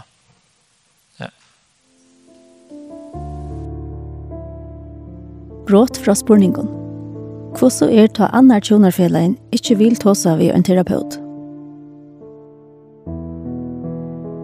Selv når jeg siger, at uh, de fleste mænd, de, uh, de følger med nogenlunde frivilligt, så er det fordi, at, uh, at det er som helst hende, der opdager, at det fungerer ikke så godt, uh, og det er også hende, der har det sværest med det. Og det er jo fordi, at, at krisen den foregår i hendes rum og påvirke alt, hvad det foregår i det her rum. Vi mænd, vi har skruet sådan sammen, når ja, men det er den her kasse, jeg er inde i nu, det hedder en krise med min kone, og nu går jeg i søvn, så nu træder jeg ind i en anden kasse, det hedder, så står jeg op næste morgen og træder ind i en kasse, det hedder mit arbejde. Og derfor kan mænd generelt sådan isolere det i små bidder, og så synes mænd også, at vi skal have styr på tingene. Altså, det er, det er pinligt, hvis ikke vi har styr på vores ægteskab. Så derfor er der, er der en god grund til, at mænd ikke sådan lige er indstillet på det. Men Jeg siger til, til den ægtefælde, som ringer til mig, så siger jeg, prøv at spørge, om din mand vil med, fordi du har brug for det. Og det vil de fleste mænd godt, fordi at de kan, mænd vil generelt gerne gøre noget rigtig godt for deres ægtefælde. Og så følger de med.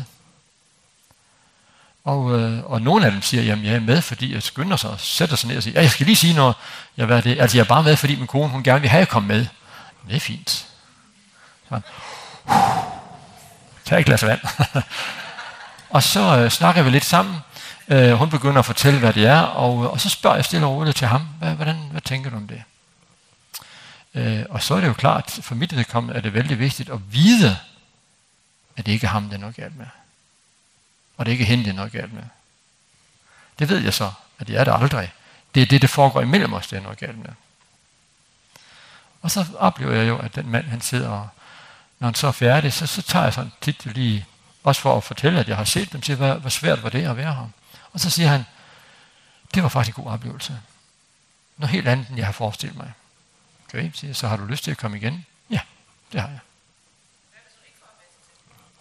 Hvis man slet ikke kan få ham med, så er det jo, at jeg siger, prøv at, at høre, om det kan lade sig gøre at tale med nogle venner.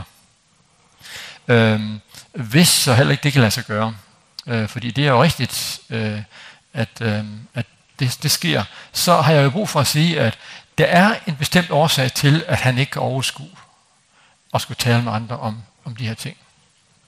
Øh, og øh, den forståelse er så vigtig at prøve at sætte sig ind i, ved at hvis det var, det var mig, så ville jeg prøve at sætte mig ned og sige, øh, hvad er det, der gør, at det er så svært for dig at, at tale om de her ting. Fordi der er et eller andet, der blokerer af en eller anden slags. Og det er det, vi skal vide altid, at når vi handler af en eller anden grund, så er der en årsag ind bagved. Og det er den årsag, vi altid skal være nysgerrige på. Er vi, årsag på, er vi fokus på den nysgerrighed, så flytter vi så flytter vi fokus fra symptomet, nemlig vi ikke har det så godt med hinanden, til hvordan kan det måtte være? Vi flytter billedet fra, fra symptomet, det hedder, det er simpelthen også for dårligt, du ikke vil med i terapi, til hvordan kan det måtte være, at du ikke vil med i terapi? Og det flytter. Det flytter. Det skal vi blive rigtig gode til. Hvis pludselig, at, at uh, min kone hun tænder af, så ved jeg, at det gør hun sandsynligvis ikke, fordi at hun bare har lyst til at tænde af, men der ligger noget ind bagved. Og så skal jeg prøve at øve mig i at sige, jeg kan godt høre, at du er rigtig vred nu, hvordan kan det være, at du bliver så vred? Ikke hvorfor, det er det udtryk, det skal jeg helst ikke bruge, men hvordan kan det være? Så flytter vi fokus fra symptomet til årsagen hvis jeg, ikke, hvis jeg, hvis jeg bliver symptomet, så, temper, så, sådan lidt, så taber jeg jo til. Det er ligesom at køre i bilen, og så kommer jeg kørende i min bil, så kan jeg se, at olielampen den blinker. Så tænker jeg, nå, det gider jeg kigge på. Så taber jeg jo lampen til, så jeg ikke kan se, at den blinker rødt, og så kører jeg videre. Det er jo ikke så fornuftigt, vel? Vi ved jo godt, at vi skal ud, og nogen ved i hvert fald, at man skal ud og kigge, øh, eller hælde lidt olie på. Det rigtige sted også, at det ikke på køleren, men et andet sted. Øhm, fordi vi er godt klar over det, at årsag til den olielampe, den blinker. Så vi skal kigge på årsager. Og så er det langt de fleste tilfælde, hvis jeg bliver mødt og forstået, også når jeg har kørt fast inde i mig selv, så begynder det at løse op. Øhm, sætningen, det kan jeg godt forstå, hvis I vidste, hvor meget helbredelse der er i den. Det er helt enormt. Jeg fik en mand ind, som fortalte om sig selv, og han havde det så dårligt, og han var træt af sig selv, og fyldt af skyld og skam, og hvad ved jeg, og selvkritik. Forklaret om, hvordan han havde været på efterskolen, og hvordan han havde været en skidt knægt, og så videre, og så videre, og så videre. Og så over tiden, som vi havde nærmet sig, det var fem minutter, til han skulle gå, og så siger til ham, nu skal du høre her, jeg har lige brug for at sige en ting til dig, og det er, jeg kan godt forstå, du blev, som du blev. Og du reagerer, som du reagerer. Kan du godt forstå det, siger han. Ja, siger jeg. Jeg tænker, du er blevet udsat for det der, og det der, og det der, og det der. Så jeg tænker, du har reageret sundt. Du har kæmpet for dit liv. Nå, siger han. Så kom han to uger senere, og så sagde han, jeg er helbredt. Nå, for skam. Det var en billig omgang, så, men... Øh, jeg helbreder, sagde han. Prøv at fortælle det, så siger han, den sætning, sagde han, det kan jeg godt forstå. Da jeg kom ud i bilen og sidde, siger han, så begyndte der en kæmpe isklump i maven og smelte og forsvandt. Og nu er den væk. Vi flytter fokus fra symptomet, nemlig en skidt knægt, til hvad man årsagen er. Og så er det klart, så er der stadig mænd, som, som ikke kan, kan sige, hvorfor de ikke vil med. Øh, og hvis så, at det er sådan, og, og øh, fruen i huset ikke synes, at hun kan holde det ud, så må hun selv gå i terapi. Så hun kan få hjælp til at kan holde det ud, og få redskaber til også at møde sin mand måske på en anden måde. Øh, men desværre også nogle gange redskaber til at kunne gå sin vej. Det kan desværre også blive nødvendigt, fordi at det giver ikke mening, at man bliver et ægteskab, hvor man går i stykker, hvis det er det, man gør. Det er sidste chance, eller det er Jeg gider ikke, at nogen de skal gå fra hinanden. Men nogle gange, få gange, har jeg været nødt til at øh, arbejde på det, fordi vedkommende gik i stykker. Men det er næsten altid, fordi ægtefælden så har en personlighedsforstyrrelse af en eller anden slags. Brot fra spurningen. Hvor så er det tøymon, som får en akrepp at han har at bøtten er flott ut? Det er godt godt man nævner det, fordi man, man har sådan to felter, hvor man hovedsageligt bliver skilt. Det ene det er inden for de første syv år. Det er den her første syvårskrise, hvor man tænker ved sig selv, når jeg løber ind i en krise så hurtigt, så må det være, fordi jeg bliver gift med den forkert. Den anden krise, det er det, vi kalder sølvbryllupskrisen. Og det er simpelthen det, at nu er redden tom. Og det, der er problemet i det, det er jo, at vi bliver så fokuseret på det, der foregår. Altså det, som jeg siger, stiller krav til os, altså job og venner osv. videre Og ikke mindst børnene. Og det betyder rent faktisk, at jeg kan leve i et ægteskab, øhm, hvor jeg tror, vi har det godt. Fordi det, vi taler om, det er børnene, og vi kan altid blive enige om de her fantastiske børn. De er helt vidunderlige osv. videre Og følge dem og deres trivsel. Så, så det, vi kommunikerer omkring, det er faktisk børnene. Og, og, øh, men vi, vi har ikke noget fællesskab med hinanden ellers. Og så pludselig, når den sidste rejste hjemmefra, Og fruen, hun står op om morgenen og går ned til morgenmad, så opdager hun, der sidder et eller andet på den anden side af morgenbordet. Øh, og tænker, hvad er det? Køn er det i hvert fald ikke, det må man sige. Og så opdager hun særlig i løbet af morgenmadens tiden, at det er hendes mand, der sidder der. Og ham har hun ikke talt med i 25 år. Og så får de en krise. Det er rigtigt. Fordi man har ikke talt sammen i 25 år om os to. Det er derfor, jeg siger, at I skal gå hjem og bruge en halv time om dagen, så sker det her ikke. Så sker det bare sådan, at den sidste rejse hjemmefra, så sådan, yes, yes, nu vil vi bruge en hel time om dagen på hinanden, det var det helt fantastisk. Hold da op, mand. Ingen ro længere, ingen larm, ingen der tager fjernstyringen på tv, eller det er da helt fantastisk. Fordi vi har brugt en halv time om dagen på hinanden, øh, så lykkes det. Men løber vi ind i de her sølvbrølskriser, så får vi igen den her oplevelse. Det her, det kan ikke repareres.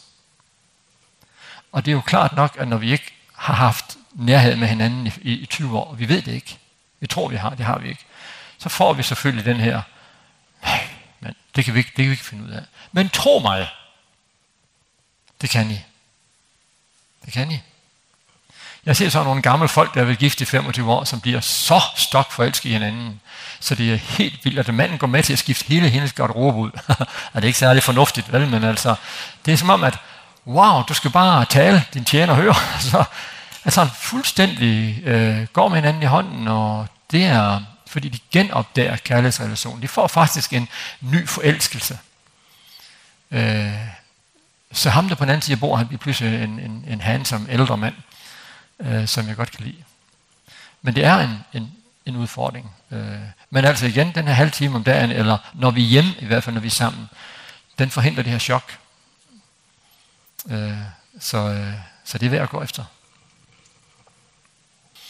I kan jo bare, I behøver ikke spørge på vegne af jer selv, I kan spørge på vegne af jeres nabo. Så er det ikke helt så farligt at spørge. Jeg har mange naboer, kan I tro. ja. Se, når vi skal lave om på tingene, hvis nu for eksempel I siger, nu vil vi, øh, hvis du for eksempel mand, du siger, nu vil jeg sige, elske min kone, som Kristus elskede kirken, øh, så, så træder du ind i et, et felt, som, øh, som er måske nyt og anderledes, øh, og øh, hvor du skal indstille dig selv på, nu gør jeg det her, uden at forvente at få noget tilbage. Og det er ikke nemt. Jeg havde et par til rådgivning, hvor jeg siger til ham, vil du forandre dig til fordel for din ægtefælle, selvom din ægtefælle ikke forandrer sig? Ja, siger han, det vil jeg gerne. Hvis nu at, nej, siger jeg, prøv lige igen. Vil du forandre dig til fordel for en ægtefælde, selvom din ægtefælde ikke forandrer sig? Jo, det vil jeg godt, men øh, nej, nej, en gang til.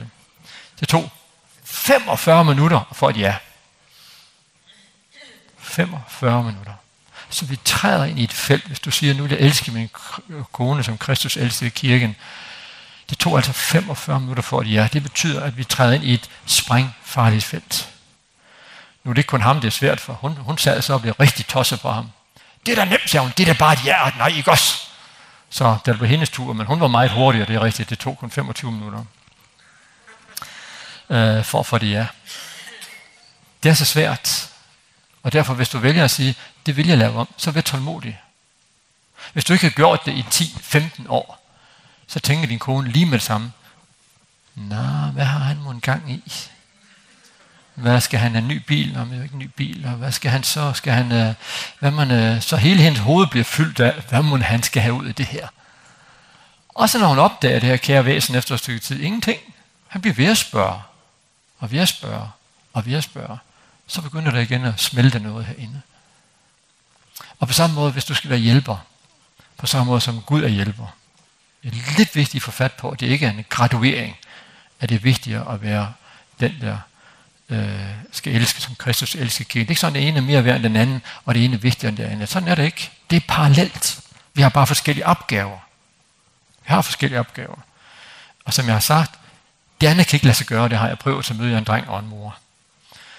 Men hvis du træder ind og vil være hjælper, øh, og det betyder ikke kritisere, øh, som det allervigtigste, jamen øh, så kommer det igen en periode, som er svært, for man gør sig sårbar. Men det er værd at gå efter. Og øh, min oplevelse er, at vi længes efter det. Øh, begge to. Og derfor så vil det lykkes. Men tålmodighed. Og så skal I huske, det meste almindelige, det er at sige, ja, det skal vi også have gjort noget ved en dag. Og så kom jeg her om fem år og holdt det samme foredrag, og så siger de, jamen det skal vi også gøre noget ved en dag. Så derfor vil jeg jo foreslå, at I det her det tager hjem og snakker om i aften, øh, under den her kop te og en spandau med syltøj, eller hvad det er, I skal have, og snakker om, hvordan vil vi gerne praktisere det her at være den, der tager initiativ, den, der elsker, som Kristus elsker kirken, og den, der hjælper. Hvordan vil vi gøre det? Hvordan halve time om dagen, hvor er det, vi har plads til den? Eller hvor er det, vi vælger at få plads til den? I kan handle. Gør det i aften. I morgen er det sikkert for sent, fordi så, så kører julet igen. Og det er dumt, for I får så meget ud af det andet. Helt vildt. Ellers får jeg konflikter. Ligesom manden, som siger til konen, hvordan kan det være, at du er så tålmodig? Hver gang jeg får et skænderi, det fik forstå. Hvordan gør du det? Jo, siger hun, jeg, jeg går ud og, jeg går ud og renser toilettet. Ja. Hvordan klarer du det, siger han. Jo, siger hun, jeg bruger din tandbørst. ja, okay. Flere spørgsmål? Brått fra spurningen. Hvordan kan han flytte seg og i tjønabanden? fra at være en dronker til at være en maver. Det er så nogle, nogle, nogle praktiske håndgribelige ting, vi kan gøre. Øhm, en af de ting, som, som, og nu nævner jeg bare noget af det, vi har gjort. Vi har, vi har noget, vi kalder et stabsmøde. Det, det, er, det er en gang om ugen, der sætter vi os sammen, og så siger vi, hvad er det, der skal foregå de næste to uger. Og der, der skiftes vi til at være mødeledere, for at bruge det udtryk. Og det betyder, at den ene uge, så er det mig, Jeg skal prøve at kigge to uger frem og fortælle, hvordan jeg vil planlægge de to uger øh, til fordel for hele familien og til fordel for min ægtefælde. Og hver anden uge er det så min kone, der, der skal prøve at sætte, sætte gang i det her. Det betyder, at nu udfordres jeg til at se ind i den her familie, det her ægteskab, det her familieliv. Hvordan vil jeg planlægge det de næste to uger? Det er sådan det ene, man kan gøre. Det er øh, og, øh, og, og, og skal være den, der er med arbejder på på familien. Ofte så sker det, at det er hende, der kommer til at stå for det meste. Øh, fordi hun er meget hurtig, hun har de her så ved nok så meget hurtigt, så ved hun lige præcis alt, hvad der skal foregå, og det er sådan, så er det på plads, og så siger vi mænd, øh, hvad var det? Ja, så gør vi det. Så vi skal, vi skal ind og, og hver anden gang øh, planlægge de næste to uger. Øh, det er sådan en praktisk, håndgribelig ting. Den anden ting, det er, at man sætter sig sammen som par, og så taler man om, øh, hvad er det at være maskulin, og hvad det er feminin. Det betyder, at man spørger sin kone, øh, når jeg taler om, at jeg gerne vil være maskulin ind i dit liv, hvad er så maskulinitet for dig? Så hun kan sige, hvad det er at være maskulin. Være maskulin. Øh, og der er forskellige ting, som for, for eksempel, at jeg tager ansvar for hendes trivsel som nummer et. Det er nok det allervigtigste øh, at være mand i en kvindes liv, det er at tage ansvar for hendes trivsel som nummer et. Og derfor er det for mig at se min opgave som mand at skal sige, hver dag, hvordan er det, jeg egentlig kan, kan hjælpe til, at det her må blive en god dag for dig. Og det er nok der, vores maskulinitet den gror mest. Øh, fordi så får jeg informationer, øh, og øh, det, er ikke, det er ikke informationer, som, som er på det her niveau, der hedder, nu skal du bare høre, hvad du skal. Men det er på det niveau, det hedder, nu får du information om, hvad øh, de ting øh, gør ved mig, altså hvordan maskuliniteten påvirker mig, og hvad jeg har brug for. Øh, og, øh, og så skal du ind og vælge, og sige, jamen jeg vil gerne være mand i min kones liv, så, så derfor lytter jeg til, hvad det er, hun siger. Øh, hun har brug for, for at trives som menneske. Og her taler vi altså ikke om gøremål ellers generelt. Altså det handler ikke om at gøre rent eller ikke gøre rent. Øh, hvis vi prøver at se på de her, alle de her romantiske film, som det er, så er det jo altid øh, ham, der redder hende. Og jeg har ikke set nogen, nogen romantiske film, hvor det er hende, der redder ham. Og det er vel ikke en, jeg gider at se, hvis det er sådan, at den kommer. Det er, det er altid modsat. Og selv i den her Hollywood-verden, der ved man godt, at manden, det maskuline, spiller en rolle. Og det er ikke, fordi man skal ind og redde sin kone, men man, man skal ind og skabe et rum, der hedder, at her kan hun være i med tryghed, fordi hun ved, at hendes mand er parat til at ofre sit liv for hende. Han stiller sig selv øh, frem og tager skraldet, hvis det er et skrald, der skal, der skal tages. Øhm, og på den måde så får man øh, øh, det her maskulinitet til at, til at vokse øh, stille og roligt. Øh, men læg mærke til, at det er en synergi. Det er altså både det at være elsk sin hustru, som Kristus elsker kirken, og det skal hun være hjælper til. Altså, det er en synergi her. Det er ikke kun den ene, det er begge to.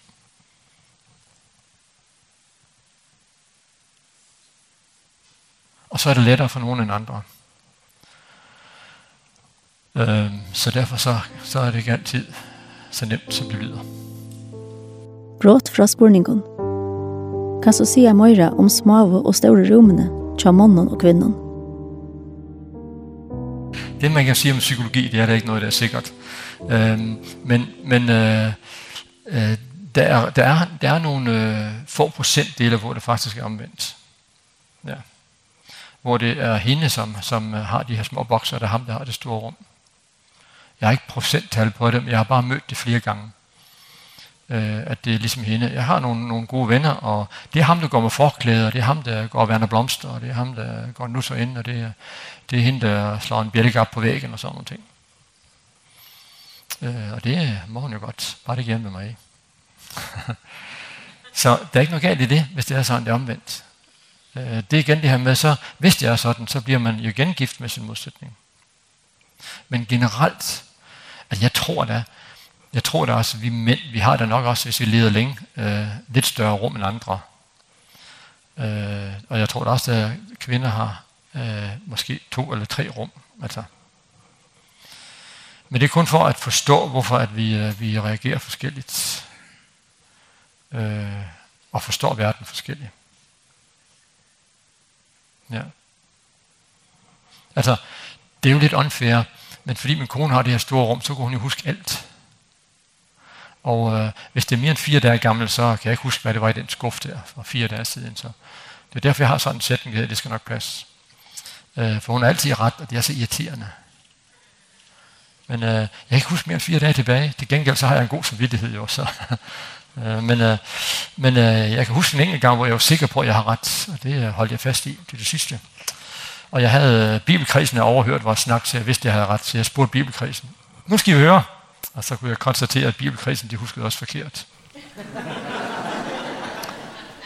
øhm, så, så, så det, er, det er sådan, det er. Ja. Hvis jeg får en information, jeg skal huske i næste uge, øh, så skriver jeg det ned. Ellers så kommer jeg ind i for mange andre kasser, og så ryger det der lige pludselig ud.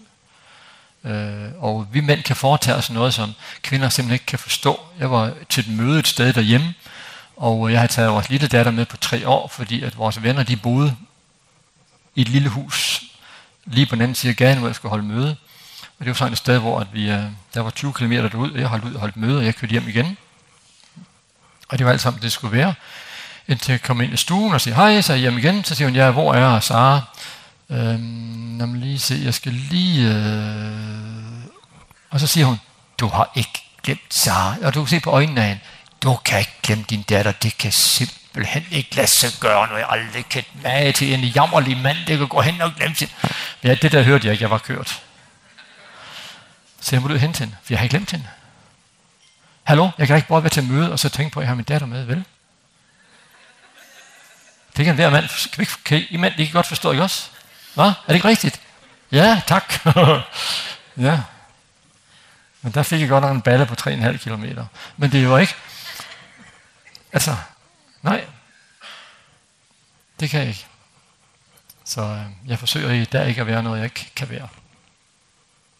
Hvis vi ikke kender den her forskel, så skaber det jo, så skaber det jo kriser. Det er jo, det er jo klart, det gør, fordi så tænker den ene, at den anden er ligeglad eller sådan noget. Og det er sådan, sådan er det jo ikke. Vi er bare forskellige. Ja.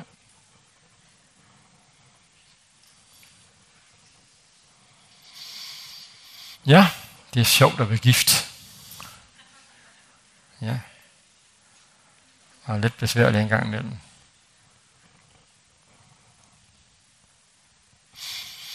Ja, men øh, så tror jeg, at jeg siger tak, fordi I blev siddende. Og jeg vil ønske jer lykke til og velsignelse over jeres ægteskab. Tak.